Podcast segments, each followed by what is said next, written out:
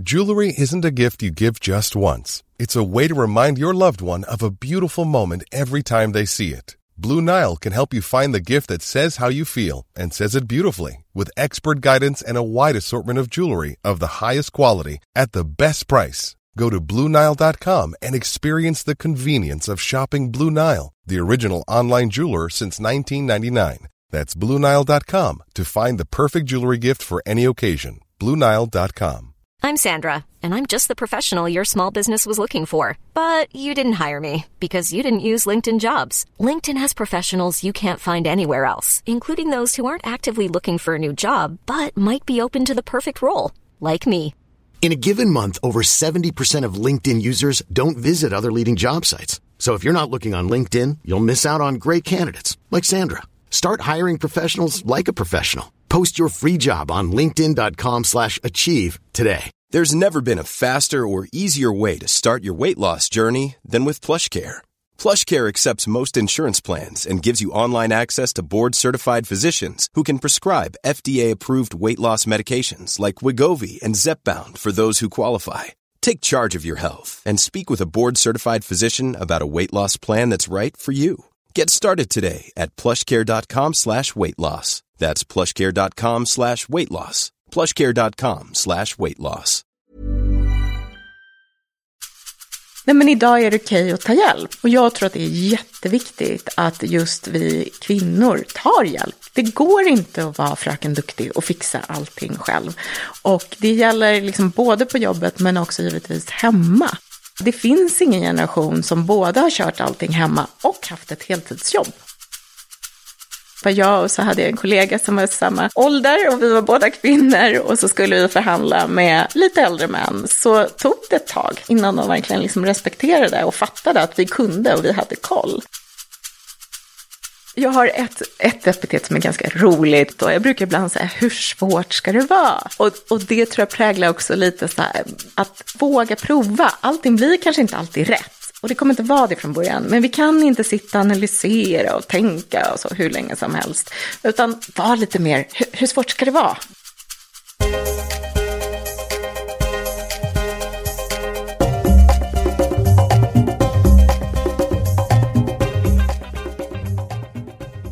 Hej och välkommen till Karriärpodden. Det är jag som är Eva Ekedal och programleder Karriärpodden, där jag intervjuar Sveriges mest framgångsrika och spännande kvinnliga ledare.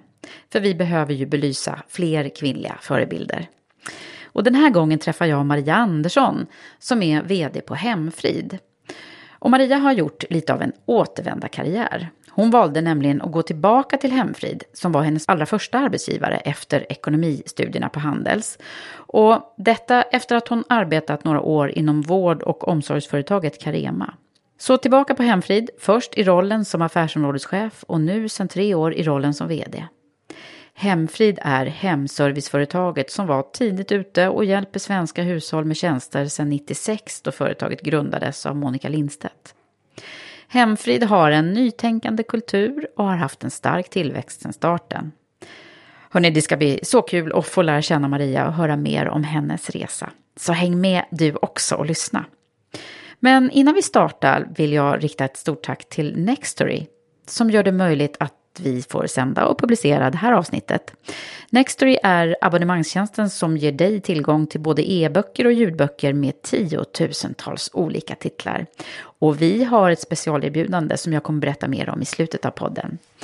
Men nu så, nu kör vi!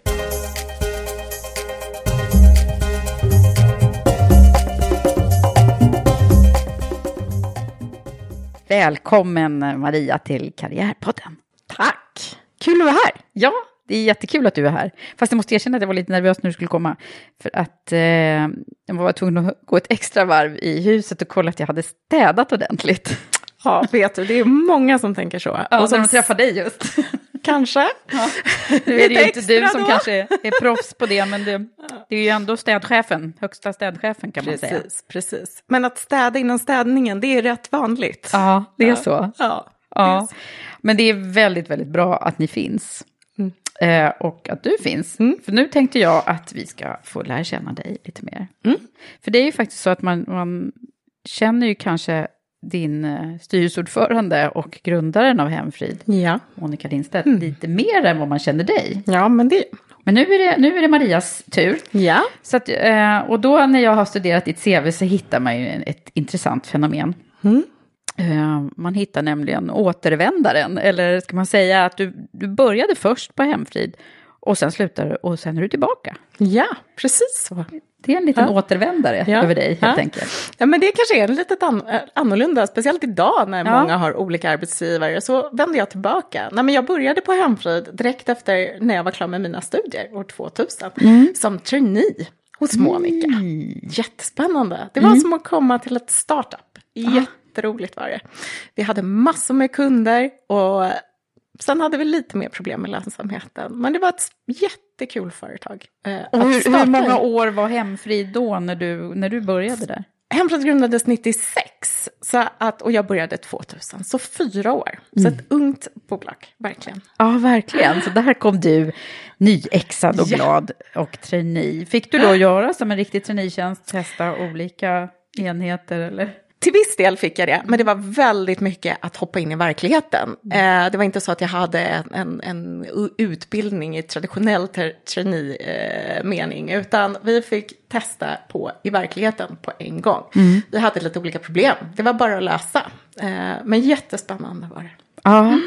Och sen så hur länge, många år var du i den där första vändan då? Det var några år. Jag var där till eh, 2007, eller till rutavdraget kom. Då lämnade jag. Men det var väl en konstig grej? Det var en konstig grej. För det var då det verkligen tog Det var då det fart för städverksamheten. Ja. Men då hade jag varit på Hemfrid i sex år då nästan och jag kände att det var dags att göra någonting annat. Och sen är det ju så att man visste ju inte hur det skulle gå i valet eh, den hösten.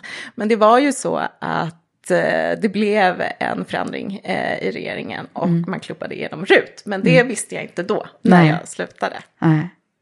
Men du, städbranschen och vård och omsorg är det också då eftersom du gick till Carema. Ja, det stämmer. Eh, och vi ska prata om det också. Men jag, jag tänker bara så här, vad, vad tänkte du när du, när du skulle liksom välja yrkes eh, och bransch? Ja. Var det här solklart eller? Nej men så här var det, jag gick ju, jag började när jag pluggade, började plugga Uppsala, på Uppsala universitet. Sen efter två och ett halvt år där så bytte jag över till Handels och läste på Handelshögskolan. Och när man har gått Handels då gör man två saker. Antingen börjar man med banking eller så blir man konsult. Eh, och jag kände att nej, banking, det har jag provat på. Jag har jobbat så många somrar på Handelsbanken och bank, så det är jag klar med. Eh, och konsult, nej, jag vet inte, jag vill jobba på riktigt, ett riktigt företag. Ehm, och jag hade läst också en speciell inriktning som då hette organisation och ledarskap. Det var, vi var kanske 20 av alla som gick på Handel som läs, läste den inriktningen. Ehm, så då sökte jag och började titta på lite andra jobb och så vidare. Och sen så hörde jag faktiskt en, ett sommarprat med Monica Ja. Lindstedt. Det var så, du Det ser det här, så. det här pratandet i poddar och Ja. eh, så. Det är Ja. bra alltså. Och tyckte att det där låter som en spännande entreprenör. Och då, när de sökte de här traineeplatserna, så skickade jag in ansökan och tänkte, jag testar att gå dit. Eh, så så var det. Det var så det var. Mm. Tänk vad, vad roligt är det där. Jag tycker fortfarande det är helt fascinerande när jag pratar med människor och hör om liksom, det kan vara små saker som avgör liksom Mm. de här stegen som, alltså jag är lite fascinerad över liksom hur ödet ändå, det är inte bara ödet som det bara händer, utan oftast så gör man någon, något liksom val själv, medvetet eller omedvetet.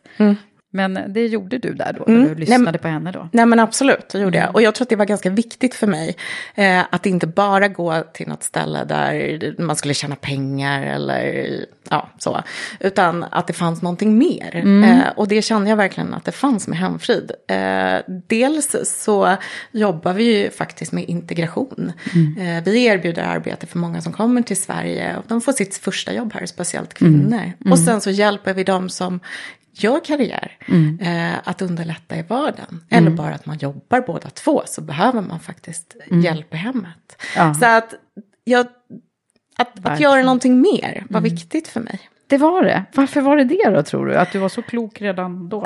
Ja, klok och klok. Men, men ehm, jag tror att jag har, eller jag vet att jag har präglats av min mamma som alltid har liksom varit så att det är viktigt för kvinnor att även ta plats och viktigt för kvinnor att även göra karriär och så vidare. Mm, du har en sån så peppande. En sån peppande mamma har jag hemma. Så att jag tror att det var det. Vad Eh, och gjorde sen hon då själv? Mamma? Mamma, mamma har varit sjuksköterska, så där har väl jag också fått lite kring det här med vård och omsorg. Ehm, och sen så har hon varit, som man var ofta på den tiden, he- hemma och tog hand om oss. Så hon har inte gjort någon karriär själv, men hon har hela tiden förmedlat att det ändå är viktigt eh, att ta sina egna beslut och sitt eget val.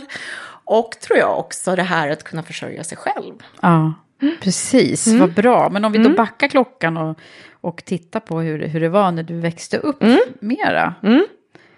Var är du uppvuxen någonstans? Jag är uppvuxen i förort till Stockholm, i Danderyd. Mm. Hur Med var två, det? ja, men två, två föräldrar som bodde ihop, hade en lillebror. Det var ju nog ganska traditionellt så eh, förortsliv. Eh, jag har alltid tyckt att det varit himla kul i skolan. Eh, har nog också haft lätt för mig. Eh, haft mycket kompisar, ett socialt liv. Vi har många av mina närmaste tjejkompisar träffade jag redan i, eh, på högstadiet. Så att eh, det har varit viktigt för mig också att ha nära sociala relationer och kompisar. Så. Ja. Så om man hade frågat någon skolfröken till dig där i Danderyd om, de, om eh, Maria hade, kommer det bli en stor företagsledare? Vad hade de sagt då? Eh, jag vet att jag hade en mattelärare som sa någon gång att du kommer jobba med det här, med att räkna Alltså. och ha koll på ekonomi. Så. Och det är ju inte en oviktig grej när man ska vara företagsledare, det kan man ju Nej. konstatera. Man, jag tror att ska man, man måste tycka att det är lite kul med siffror. Eh, för att det är ändå så att de visar ofta, och speciellt tror jag inom ett serviceyrke eller servicebransch så, som vi är i, hur, hur det går. Och att man har nöjda kunder gör ju att man får bra lönsamhet och också växer. Jaha, så att där kunde man se en, en duktig skoltjej då. Ja, men det, jag, en så lite duktig flicka och det har jag nog fått jobba med också Ja. eh, under liksom, eh, min karriär och så. Hur, på Att- vilket sätt då? Ja, men att inte alltid behöva vara så himla duktig. Våga göra någonting annat, våga misslyckas ibland också. För Mm. Ja. det ger ju också möjligheter och öppnar upp nytt. Mm. Eh, och att man inte fixar allting själv. Eh, och är duktig och klarar allt. Utan man måste ta hjälp av andra. Ja. Har det funnits några situationer som du tänker på eh, när det har varit sådär att du har tagit hjälp eller inte fixat? Ja men idag, herregud, jag tar hjälp varje dag. Ja, förutom med eh, nej men också att man ser till att ha bra människor omkring sig och jobba med. Jag har helt fantastiska eh, nära kollegor i min ledningsgrupp idag och har ofta en väldigt nära dialog eh, med dem jag jobbar med. De brukar säga att du är nästan den enda som lämnar meddelande på telefonsvarare. Säger de det till dig? Ja, och det kanske är lite typiskt mig att jag kan lämna långa så, meddelande. Eh, jag gillar att Och ha, prata. prata, ha en dialog. Så. Ja. Okej, så det är inte bara siffror utan det är också relationer. För det där Ja. brukar ju oftast vara så att man kan ha förkärlek för en det ena eller det, en det andra. Nej, men där tror jag att jag har fått, siffrorna jag har fått från min pappa som jobbade inom bank. Och det här med relationer har jag fått från mamma. Ja. Eh, så att jag tror att jag har både, både och, vilket, vilket är viktigt för du, det går inte att bara köra siffrorna. Nej, Nej. det gör ju inte det. Nej. Och sen är du stora syster också. Sen är jag stora syster. Ja, det, är har jag ju haft många här i podden. Nog typiskt, Ja. tror jag. Gillar du hästar också? Eller? Nej, Nej, det gör jag okej. inte. Monica rider ju jättemycket och Ja. har mycket hästar Ja. och så vidare. Men jag har Du har inte kört den? Kört Nej. den. Nej. Fotboll? Nej, Nej. inte fotboll heller. Nej, vad har vi inte för- fotboll heller. eh, nej, men jag har tränat väldigt mycket och sen så kan springa, älskar jag, springer så här Lidingöloppet och, och så. Mm, lång eh, Lång distans. distans, uthållig. Oj. Mm. Så att jag är och, och gillar det också. Men sen åker jag skidor, jag har spelat golf och ja. Ja, men det är en hel del individuella sporter. Ja, det är det som. nog. Mm. Ja, för det där är också... några- Ja, jag håller ju på att lägga pussel som du hör. Ja. Eh, eh, Mm. Jag har en liten sån här checklista så här. Ha, Eh, hästarna brukar ju återkomma liksom. Ja, ja. eller, eller också faktiskt lagsport. Ja. Men du Mm. körde en individuell. Ja, jag körde mer individuellt där, tror Ja. jag. Det Ja. kanske var också för det var det mina kompisar gjorde runt omkring. Man var ganska styrt så tycker jag, vad kompisarna gjorde när man var ung. Jag växte ju upp i ett radhusområde, helt fantastiskt när man var liten. Så att när jag var tre år, då stack jag till min kompis när jag tyckte det var tråkigt hemma. Och eh, vi var ett gäng eh, faktiskt som växte upp nära tillsammans. Många av de kompisarna har jag kvar. Eh, en av mina närmaste tjejkompisar har jag känt verkligen sådär hela livet. Så att, eh, det tror jag var en sån här social trygghet som man växte upp i. Och då gjorde vi ofta lika. Man gick på eller man gjorde, Ja, man alla blir, gjorde samma Man blir saker. väldigt inspirerad av varandra. Ja. Eller vill, Ja. Mm. vill vara som de andra kanske.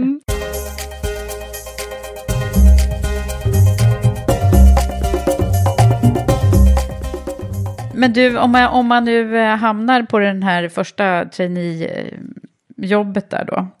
Vad, vad fick du gå igenom? Du sa det var, ju, det var ju innan RUT, så det här var kanske lite, ni fick jobba hårt. Mm. Vi fick jobba jättehårt. Vi sålde det här som en löneförmån till företag. Eh, det var ju så Monica startade igång det hela.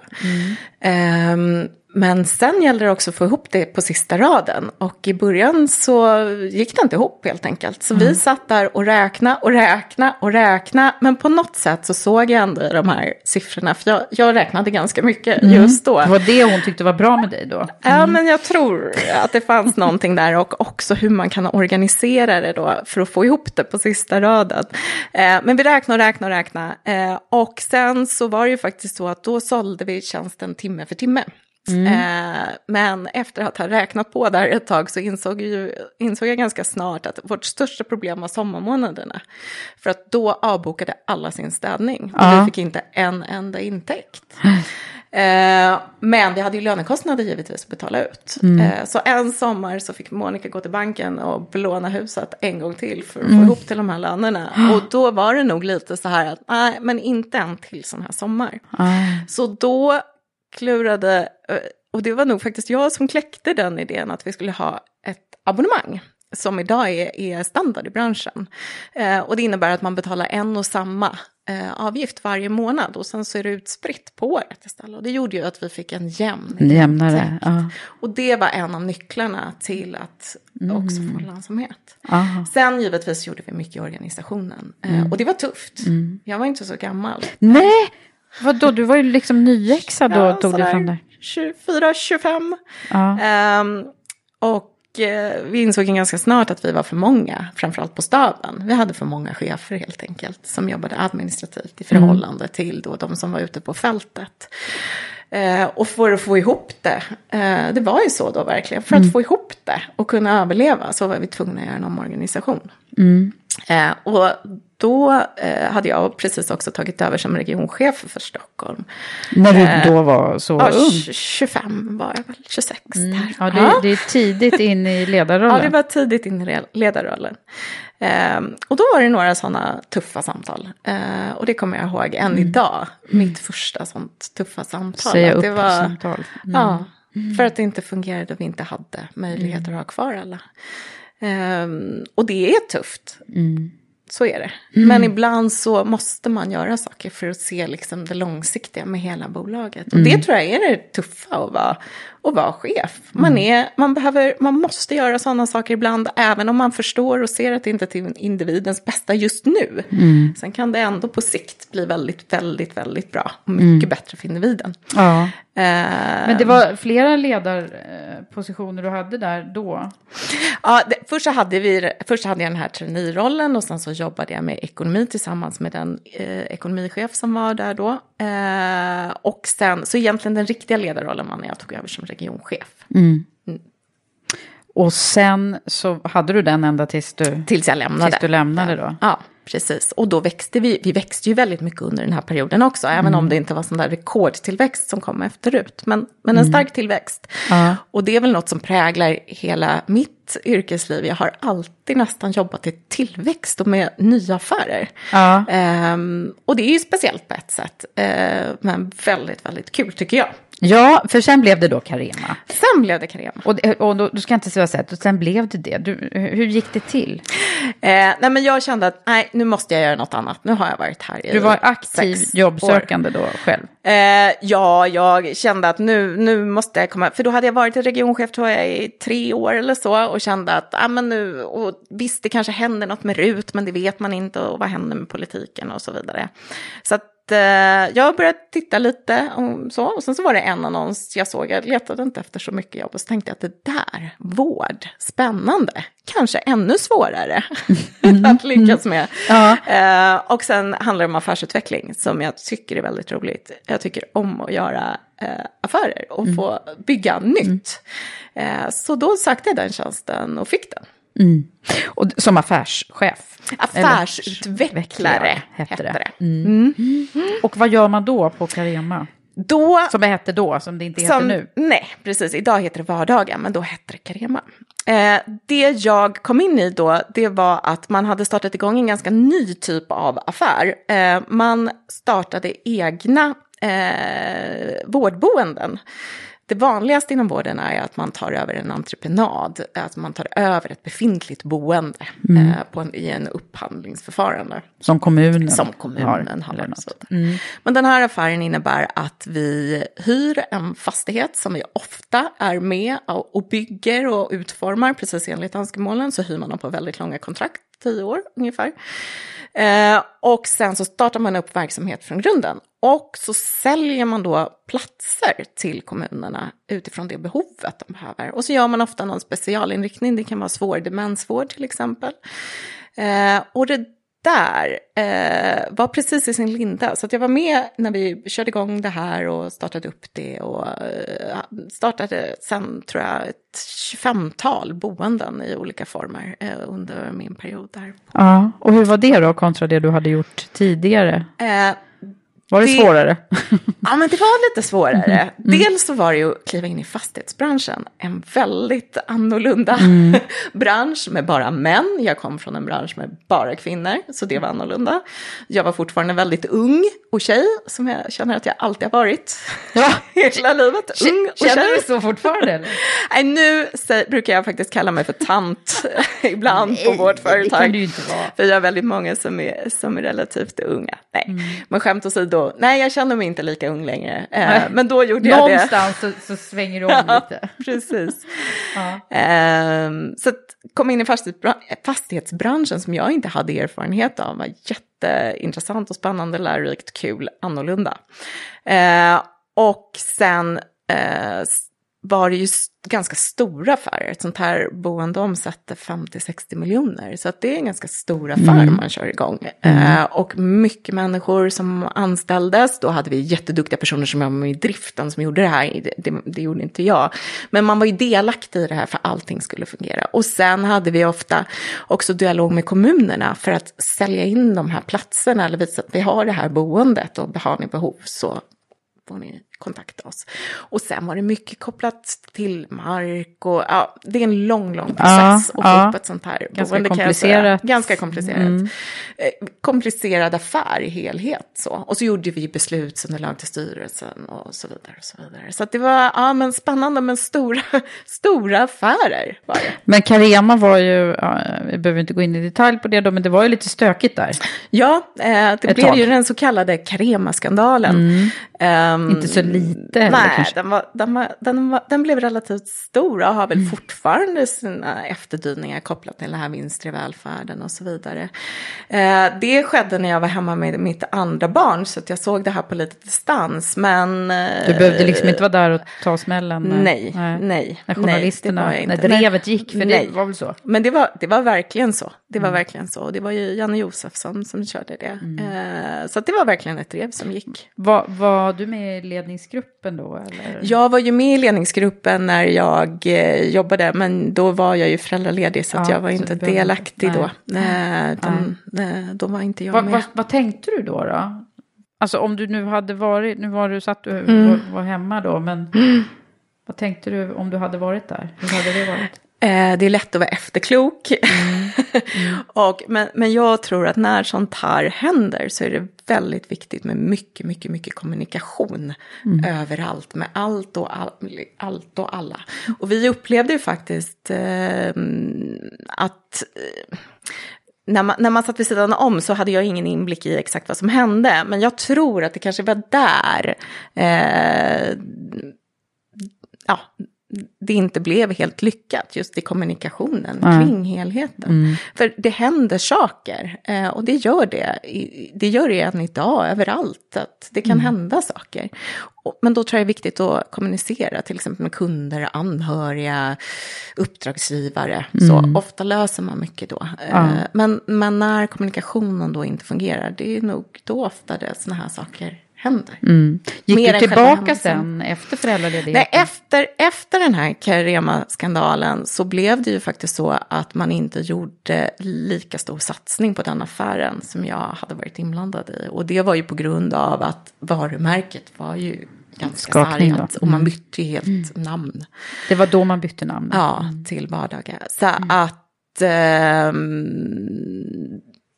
det var inte så kul att komma tillbaka Nej. och inte kunna känna att man kunde köra med full fart. Mm. Så hur gick det till då när du tog dig till, tillbaka? Ja, till då var jag hemma och var föräldraledig och funderade mm. lite på, okej vad ska jag göra härnäst? Nu måste jag hitta på något nytt kul. Så tänkte mm. jag. Och då hade jag under en liksom, lång period haft kontakt med både eh, Åsa som var vd på Hemfrid eh, och Eh, med deras eh, ekonomichef Eva. Så jag var ute och lunchade med dem och då sa jag Åsa så här, ska du inte komma tillbaka, vi har en ledig tjänst. Ah, men jag kan inte gå tillbaka tänkte jag tillsammans. Life is full of awesome what ifs and some not so much, like unexpected medical costs. That's why United Healthcare provides Health Protector Guard fixed indemnity insurance plans to supplement your primary plan and help manage out of pocket costs. Learn more at uh1.com. Many of us have those stubborn pounds that seem impossible to lose, no matter how good we eat or how hard we work out. My solution is PlushCare.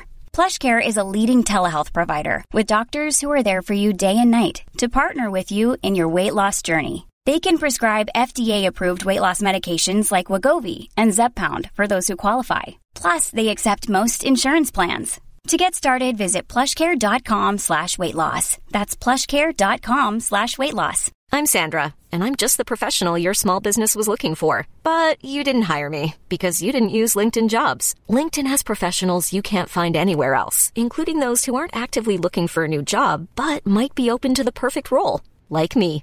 In a given month, over 70% of LinkedIn users don't visit other leading job sites. So if you're not looking on LinkedIn, you'll miss out on great candidates like Sandra. Start hiring professionals like a professional. Post your free job on linkedin.com slash achieve today.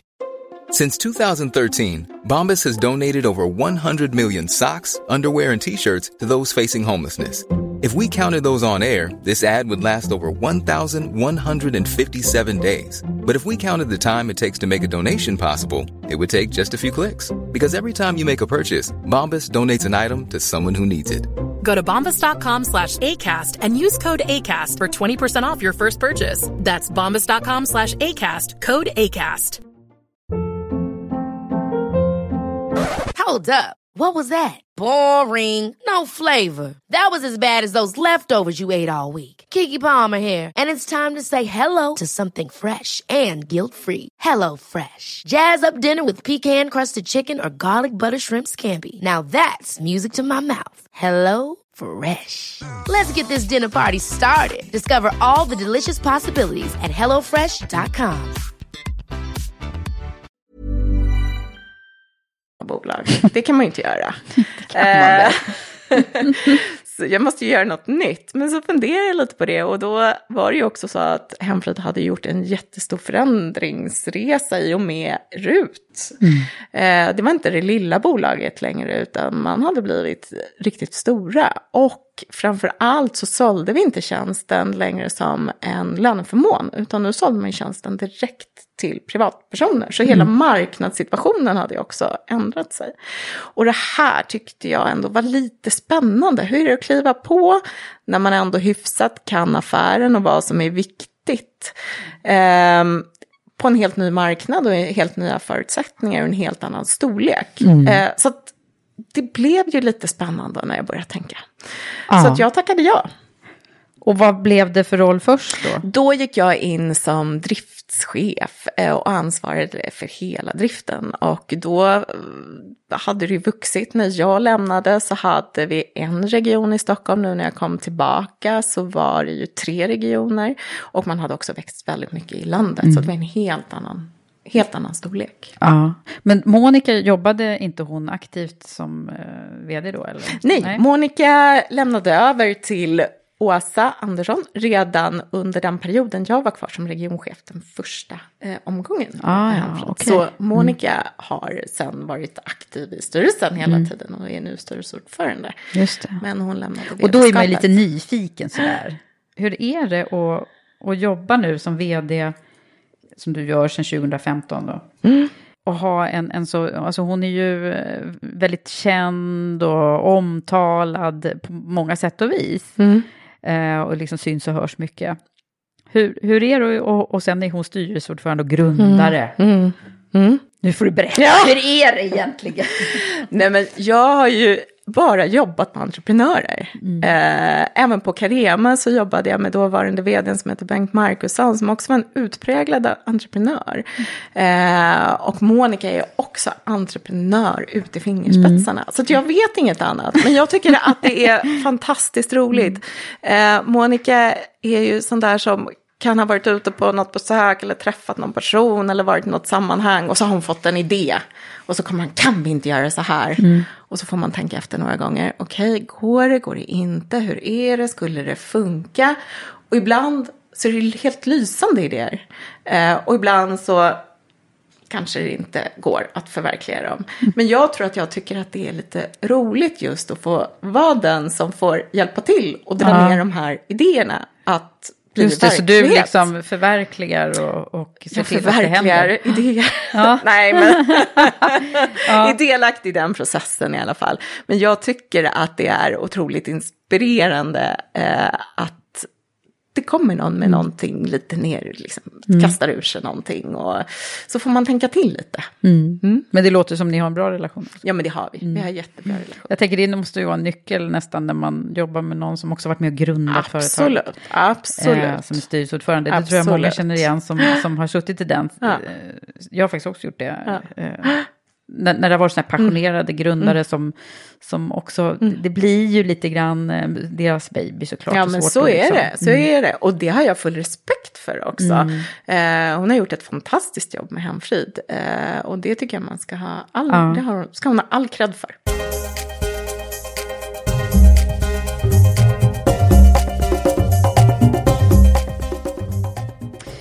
Du Maria, du vet ju att jag jobbar så mycket med, med kvinnligt ledarskap. Mm. Eh, och brinner extra mycket för det. Och så pratade vi lite här om, när jag berättade för dig att jag tyckte att det var, att jag var tvungen att checka min städning här hemma innan du kom och sådär. Eh, den här lite dubbelheten som vi har, eh, som faktiskt dyker upp rätt ofta då och då i, i Karriärpodden. Att Mm. vi vill vara så himla duktiga vi kvinnor, både på jobbet och, och hemma. Mm. Så att jag berättade att när jag började få städhjälp hemma, då, då skämdes jag typ lite för det. Mm. Gud vad märkligt. Mm. Men jag är inte ensam om det kanske. Eller i alla fall inte i min generation kan jag tänka Nej, mig. det är du verkligen inte och absolut inte din generation. Eh, det där har vi stått på många gånger och det är en del som säger men min- man vill inte ta hjälp för han tycker att det är skämmigt, det ska man klara själv eller min fru vill inte ta hjälp. Men det, är jättevanligt. Men det jag ser ändå och som jag tror är viktigt och någonting som verkligen RUT har bidragit med är att förändra de här attityderna och den här inställningen. Och Ja, för är idag känns det inte liksom Nej, så konstigt. det är som det gjorde när vi började. För då, det var när vår- mina barn var små och jag Mm. jobbade som chef och min man också. Och vi liksom hade ju jättesvårt att få ihop. Mm. Nej men idag är det okej att ta hjälp. Och jag tror att det är jätteviktigt att just vi kvinnor tar hjälp. Det går inte att vara fröken duktig och fixa allting själv. Och det gäller liksom både på jobbet men också givetvis hemma. Eh, det finns ingen generation som både har kört allting hemma och haft ett heltidsjobb. Eh, och det där tror jag är väldigt viktigt att se. Vi försökte Eh, där ett tag. Ja, men, ja, men det gick sådär. Nej, men, Ja, Absolut. Av ett gäng som har stressat lite för mycket. Ja. Ja, det kan man ju även se idag tycker Mm. jag på många unga tjejer också. Att det är lite Mm. för mycket det här att vi, vi var all over the place. Mm. Hur, har du, hur har du själv hanterat det här? Nej, men jag har alltid tagit hjälp. Eh, hemma. Såklart. Ehm, och eh, direkt när jag började på hemfrid så fick, tog jag hjälp också. Eh, även om jag kanske då inte hade lika stort behov som jag har idag. Idag har vi en helt fantastisk tjej hemma hos oss som heter Freja som kommer först och så hjälper hon till och städar och sen så går hon och hämtar mina barn. Och det här är bästa dagen i veckan säger mina barn. För de får vara med någon som är lite yngre, som gör andra saker än mamma och pappa och så. Eh, och jag känner att jag har en dag där vi inte behöver liksom få ihop allting, jag och min man. Så att he- helt fantastiskt att ta hjälp och jag känner att det blir en win-win situation för alla. Eh, och det är så jag tycker lite man ska tänka med tjänster. Har du råd så köp en tjänst, du hjälper någon annan att få ett jobb. Eh, Precis, vi vilket är skapar jobbtillfällen genom det här. Och nu när det, när det också finns ja, lagligt reglerat. På, Ja men absolut, absolut. Men du, det, det har ju varit mycket snack om det här med, med RUT och ROT och så Mm. i politikens värld. Och jag vet att du också ger, blir naturligtvis involverad i det här som, som vd för eh, den största, är det den största? Ja, det är den största. Eh, Hur många största är ni nu? bolaget. Nu är vi över 2200 anställda, så det är väldigt många är som jobbar hos oss. alltså. Det är det. Ja, nej, men och då, då blir du eh, intervjuad och, och får eh, kontakt med politiker i olika Ja. sammanhang. Mm. Ja. Hur tycker Ja. du det är? Nej men det är roligt tycker jag. Eh, och framför allt för att jag brinner så mycket för de här frågorna. Dels att vara med, att vara, vi är ju faktiskt en integrationsmotor eh, i samhället idag. Det är väldigt många kvinnor som får sitt första jobb här i Sverige som kommer, har en invandrarbakgrund och börjar hos oss. Eh, och det tycker jag känns så bra att kunna vara med och bidra i det. Ehm, och sen så finns det massor mer vi skulle kunna göra för att förbättra integrationen kopplat till det här. Det vi funderar väldigt mycket på nu är ju hur vi skulle kunna utveckla svenskundervisningen hos oss. För två år sedan när jag blev vd där så körde vi igång svenskundervisning eh, för våra medarbetare. Och de här kurserna är så populära. Eh, och då får de komma in till kontoret och så får de gå svensk utbildning. Och idag har vi flera olika steg och vi har på alla våra orter. Och det här är ju Det är någonting superbra. Ja, tänk om vi kunde göra det här ännu större. Så att du i tidigt skede när du har kommit till Sverige kan få både ett jobb och svensk utbildning. Det vore helt fantastiskt tycker jag. Och vilken start. Eh, istället för att gå och eh, först behöva gå på någon SFI-undervisning och sen söka jobb och så vidare. Och så vidare. Ja, men Så verkligen. eh, ja, och det, Det är skulle jag... superbra eh, kombo verkligen. Av både jobb och eh, lärande på något sätt. Så vi får väl se eh, om man skulle kunna göra någonting just politiskt för att stödja det här. Men skulle Eh, de du ha frågorna kunnat vara politiker undrar jag då? Alltså, eh, jag känner så här, jag brinner väldigt starkt för vissa frågor, men just att vara politiker och eh, stå där uppe i ringen dag Mm. ut och dag in, nja, inte riktigt eh, min grej tror jag. Nej, Eh. Jag älskar att, att bygga företag och organisationer, eh, så det vill jag hålla på med. Mm. Det vill du fortsätta Mm. med. Tycker jag låter bra. Men eh, det här med att vara ledare då Mm. och eh, kvinna. Nu sa du att du har jobbat i väldigt kvinnodominerade organisation Mm. men också då i mass. Va- Hur, hur är din syn på det där? Hur har du blivit bemött på de olika fronterna? Ja, men jag skulle säga nog både och. Ibland så, och det tyckte jag var väldigt tydligt när man klev in i fastighetsbranschen. Eh, ibland kunna komma till möten och det var jag och så hade jag en kollega som var i samma ålder och vi var båda kvinnor och så skulle vi förhandla med eh, lite äldre män. Eh, så tog det ett tag tror jag kände man ofta i möten, innan de verkligen liksom respekterade och fattade att vi kunde och vi hade koll. Um, där kände jag det väldigt, väldigt tydligt. Sen har vi ju haft fantastiska samarbetspartners inom fastighetsbranschen också, så jag ska säga att det är oli väldigt olika. Men ibland kunde man just känna det där, ja, här kommer någon liten tjej, ska hon förhandla avtal? Mm. Mm. Vad, vad, vad, har du något, vad gjorde du då? Eh, tricket är vara påläst och ha koll. Mm. Eh, för att när man sen väl börjar diskutera och förhandla och de märker att du har koll och mm. vet vad du vill. Då kommer respekten. Eh, och ställer krav, mm. då kommer respekten. Fast det borde kunna komma ändå kan man tycka. Den borde kunna komma mm. ändå. Men det är, det är, ja. Mm. Då kommer vi ju osökt in på det som är så högaktuellt nu då med metoo mm. och, och, så. Såg du på Guldbaggegalan nu? Ja. Igår. Ja. Oh, jag har varit helt... Eh, vad, vad bra det var. När de, och starkt när de stod där. Ja, verkligen. Men bortsett från det då, mm. hur, hur har ni haft det med den frågan på i organisationen med metoo? Har ni hanterat det på något sätt? Ja, alltså jag skulle väl säga så här. Vi, jag ska inte säga så här, vi är vana att hantera den, eh, de frågorna. För riktigt i den här omfattningen som har poppat upp så här eh, är man, kan man inte säga att man är van. Men, eh, och det är ju framförallt våra medarbetare som är ute hos kunder. Och mm. ibland händer det saker. Och att de hör av sig och har sagt att de har blivit utsatta för någonting eller så mm. vidare. Och då har vi varit otroligt snabba på att ta få tag i det. Mm. Så. Eh, och det man har de kanske... vågat prata mer nu? Tror du? Eh, jag skulle nog säga att vi har hela tiden varit väldigt tydliga med att är det, eftersom de är i andra människors hem mm. så är det mm. ganska instängt i jämförelse med om du är på ett kontor. Tor, ja. eh, och du är ganska utelämnad eh, mm. där tills, om, om kunden till exempel är hemma. Mm. Eh, så vi har alltid haft en sån policy att vi har pratat mycket om, händer det någonting, vad som än händer, kontakta oss. Mm. Sen vet man ju inte alltså, hur Nej. många som verkligen vågar när någonting händer.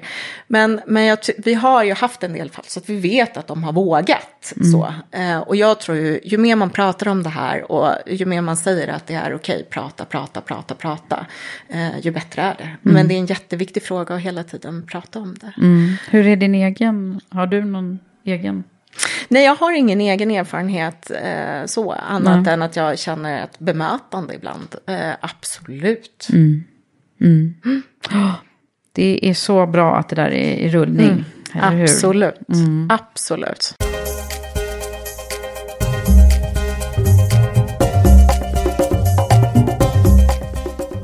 Annars när man tittar på din karriär, eh, vad är det som har varit, eh, jag brukar ju alltid fråga efter toppar och dalar. Vad har du för toppar? Men toppar, jag, jag tycker att det är fantastiskt roligt att gå till jobbet. För att jag känner att dels så jobbar jag med så mycket inspirerande människor. Eh, och sen så gör jag någonting mer än att bara driva företag. Eh, och jag tycker att det är fantastiskt roligt också att få dra igång nya projekt. Eh, och, och, starta igång något nytt och sen se att det liksom verkligen funkar. Sen givetvis, ibland går det inte bra. Vi har negativ utveckling. Vi fick inte det resultatet vi skulle ha. Och det är personalkostnader som drar iväg. Och det är någon chef som man tyckte var jättebra som slutar. Och det, det händer alltid saker. Men det, mm. det, det, det hör till. Mm. Um, så. Man så lever varje, i den förändliga världen. Man enkelt. lever i förändliga mm. Ja. Absolut. Vad är det jobbigaste du har varit med om då? Nej men det, det här med Carema, det som hände på Carema, det. Mm. det, det påverkade ju alla oss som jobbade där såklart. Mm. Eh, det var inte så roligt att säga att man jobbade där. Nej, eh, just, just. Då. Nej, stoltheten för företaget blir ju... Absolut. Sen, vet man, sen var det ju så många som gjorde ett fantastiskt jobb där ändå. Mm. Och det här var bara, det här var ett boende det handlade om och det var liksom en, en händelse. Men eh, allt annat bra vi gjorde. Eh, och just då var väl innan det här och innan jag gick på min föräldraledighet så hade vi massor med bra projekt på gång och vi hade jobbat länge. Alltså på att fastighetsprojekt på banan tar över fem år ibland. Och vi har jobbat och jobbat och jobbat och verkligen kommit långt med det här. Eh, och sen så fick vi bara lämna bort i stort sett till konkurrenterna. Det var liksom inget Mm. roligt. Nej. Det var inget roligt. Nej. Men jag kan ju ändå se dem ha det där, det där fastigheten har jag varit med om. Ja, även om den hamnade hos någon annan. Någon annan. Ja. Eh, men det tror jag, det, det, var inte, det var inget roligt då. Nej, nej. Har du tagit hjälp under din eh, karriär? Med, liksom, har du haft någon mentor eller hur, hur har du hanterat ledarrollen? Äh. För man kan ju behöva lite stöttning och så. Absolut. Jag har inte haft någon mentor, men jag, har, jag är ju med i vissa sådana här eh, chefsnätverk har jag varit. Och det tycker jag faktiskt är, är väldigt bra, för att komma mm, och träffa andra vdr och prata. Eh, och få ett bra utbyte. Och jag, lite vad jag var inne på förut, där, jag gillar ju det här med dialog. Eh, att prata med andra, eh, jättebra. Så Och få utbyte. utbyta och kunna ventilera. Ja. Absolut. Ja, men du verkar ju vara en väldigt glad och, och pigg person. Är du alltid så eller? Nej, inte alltid. Nej. Är- fast, är- fast jag tror att jag är ganska pigg och glad i grunden. Ja. Så. Men såklart, man Ja. har, alla har sina dalar. Ja. Blir du arg någon gång? Ja, det kan jag bli. Vad blir du arg på då? Eh, ja, men jag kan bli arg när det, inte, när det inte funkar eller någonting vi har planerat eller vi har ett jättedåligt resultat eller så. Och då märks det på mig också att vad fasen liksom, nu får vi ta tag och då brukar de säga nu är Maria arg. Ja, ja. men det går ganska snabbt över. Men som ledare, vad, vad, vad brukar du få för liksom, epitet kring ditt ledarskap? Eh, jag har ett, ett epitet som är ganska roligt, men som, som jag ändå tycker är kanske lite så. Jag brukar ibland säga, hur svårt ska det vara?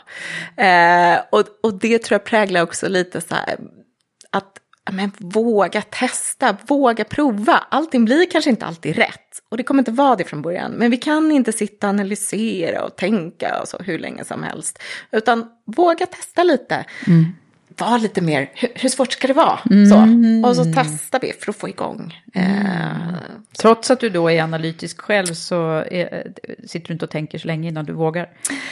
Det har nog, eh, jag var mer så att det skulle göras analyser och, och tänka, tänka, tänka när jag var yngre. Men det tror jag är någonting som har kommit över tiden. Och det kanske är också för att man har tagit en del beslut och man vet när man måste gå in och så. Men, men eh, ja, på, med åldern så har jag nog också lärt mig att våga mer faktiskt. Är det andra saker som du kan se så här? Nu sa jag att du alltid hade sett dig som ung och det är ju jättehärligt. Men jag tänker på, du, hur gammal är du nu då? Nu är jag 42. 42. Vad, vad är det du kan se så här att det har hänt med dig längs, längs åren? Vad är det, alltså man blir klokare med åren säger man alltid. Men liksom, kan du, kan du ringa in att jag var, det här, så här var jag när jag var runt 20-25 och det här har jag med mig nu? Men jag tror att det är lite det jag pratade om, det här att ha ett större självförtroende för vad jag tror på, vad jag gör, eh, våga lite mer, vågar gå emot, eh, inte alltid, men, men mycket mer så. Eh, jag lyssnar in omgivningen och ibland för mycket. Men jag vågar också fatta egna beslut och göra det lite snabbare och stå för det. Och också tror jag handlar om att våga att inte alltid bli omtyckt av alla i alla lägen. Eh, och det tror jag är lite viktigt. Eh, att man förstår det. Eh, det går inte att vara duktigast och bäst och omtyckt av alla och härlig och glad och så. Det, det är liksom, det är inget att eftersträva. Utan eh, ibland, ibland är man arg ibland måste man våga lite mer och ibland blir det fel. Eh, men det kanske handlar om att vara lite mer mänsklig. Och det tror jag har liksom... Det är lite lättare nu än vad det var Tycker då. jag. Mm. När man var ung Ja. och skulle klara allt och duktig flicka och så. Ja, men visst är det så. Klokt. Men om man nu skulle då leda den här frågan till det som jag brukar eh, prata lite grann om. Alltså det om man tänker att det du, förutom det här då, att du nu vet att du, vad du klarar av och vågar stå på dig själv eh, och tro på dig själv. Vad är det annars som du skulle ha mått bra av att veta när du var sådär ung? Om du, hade, om du ser en, en, en coach framför dig som liksom sa några bra grejer till dig, vad skulle det vara? Ja, men det skulle ju verkligen vara så här. ta hjälp av andra, du klarar inte allt själv och se till att du har bra personer runt dig. Eh, det tycker jag är en sån här jätteviktig eh, del att ha med sig. Sen kan det vara svårt att hitta, men vilka personer behöver jag runt mig? Mm. Eh, för att jag ska bli bra och de andra blir bra. För det är ju någon slags, eh, det är ett samspel hela mm. tiden. Mm. Så våga hitta och våga välja och ta hjälp. Så. Sen så tycker jag med det här med att våga, våga testa lite. Ibland blir det fel, våga göra fel. Det eh, tror jag eh, att det är bra. Det hade du fått ung. mått bra av att höra då? Ja, men mm lite mer så, tror mm. jag. Mm. Ah, det gör inte så mycket. Det är bättre att du vågar testa lite och så. Så, så har man, i alla fall vet man. Mm. Ja. Behöver inte alltid fundera och kalkylera och så hela tiden, utan våga kör. Sen så såklart man ska ha med sig andra också, men, men lite mer så här, våga, våga tro på dig själv och kör. Mm. Bra grejer. Mm. Du Maria, avslutningsvis så tänkte jag också, jag brukar alltid försöka fundera över det här med begreppet karriär eftersom du nu uh. är i Karriärpodden. Uh. Det är ju nämligen ett ganska laddat ord. Uh. En del tycker liksom inte om ordet mm. karriär. Mm. Eh, och en del tycker att ja men gud, det är mm. positivt laddat. Mm. Vad är det för dig? Ja men det är nog ganska neutralt. Jag är inte så här, oh, karriär och jag tycker inte heller så här, oh, det vill jag inte prata om. Och jag tror att det har varit så för mig hela tiden. Jag har aldrig karriärplanerat. Eh, eller att jag ska ta det här steget eller sen ska jag så eller så ska jag så. Utan jag har nog försökt känna efter vad är det, vad är jag bra på? Vilka situationer trivs jag i?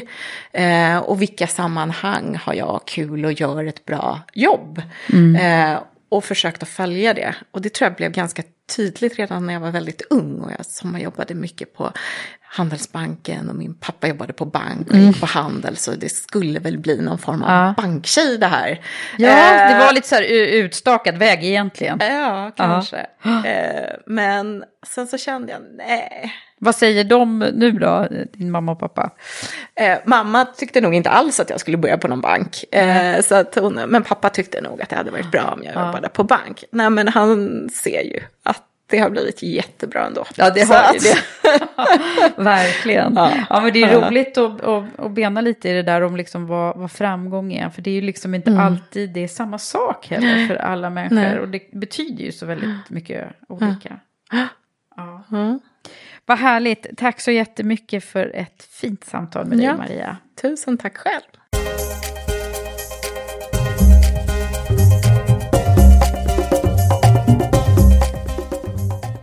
Tack Maria och stort lycka till på din och Hemfrids fortsatta resa. Sen skulle jag vilja tipsa om en bok som jag just nu lyssnar på i appen Nextory. Det är boken Ett jävla solsken av Fatima Bremmer.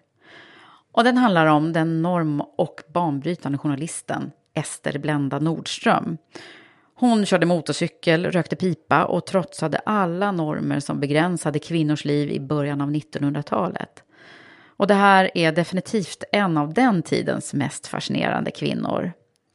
Ja, för visst är det härligt att lyssna på böcker ibland och ha det i öronen när man är ute och går och förflyttar sig, håller på med annat eller bara tar det lugnt, precis som med poddar. Och den här boken läses upp av Marie Rickardsson som är uppläsare den här gången på Nextory. Och jag tycker att hon är så bra och det är ju rätt viktigt att man gillar rösten. Och just nu så har vi också ett erbjudande i samarbete med Nextory. Man kan få 30 dagar gratis hos Nextory för att prova på tjänsten. Och det gäller endast nya medlemmar och det går att säga upp när som helst. För att få det här så går man in på nextory.se kampanj och skriver in koden Karriärpodden. Och de har också ett familjeabonnemang så att hela familjen kan använda tjänsten. Men nu så, nu vill jag rikta ett stort tack till dig som har lyssnat. Det är så kul också, ni som hör av er och peppar och berättar vad ni tycker och kommer med inspel. Så fortsätt att interagera i sociala medier och hjälp oss att sprida Karriärpodden och Women for Leaders. Och du, vet du vad? Nu söker vi också en praktikant till Women for Leaders som ska hjälpa oss med kommunikation, marknadsföring och administration. Är du intresserad eller känner någon som kanske är det? Läs mer på womenforleaders.com. Men nu så, nu har jag pratat färdigt. Ha det nu så bra så hörs vi snart igen. Hej så länge!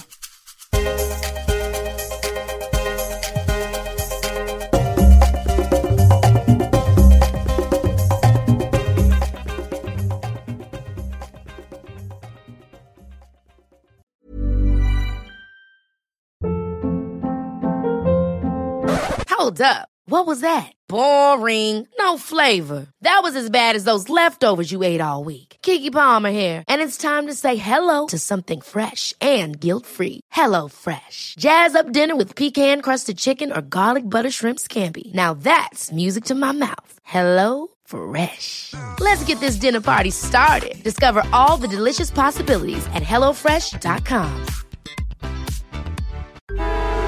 Traffic jams, tailgating, pileups. Ugh, the joys of driving. How could it get worse? The federal government wants to have a say in what you drive. That's right. The Biden administration's EPA is pushing mandates that would ban two out of every three vehicles on the road today. Don't let Washington become your backseat driver. Protect the freedom of driving your way. Visit EnergyCitizens.org. Paid for by the American Petroleum Institute.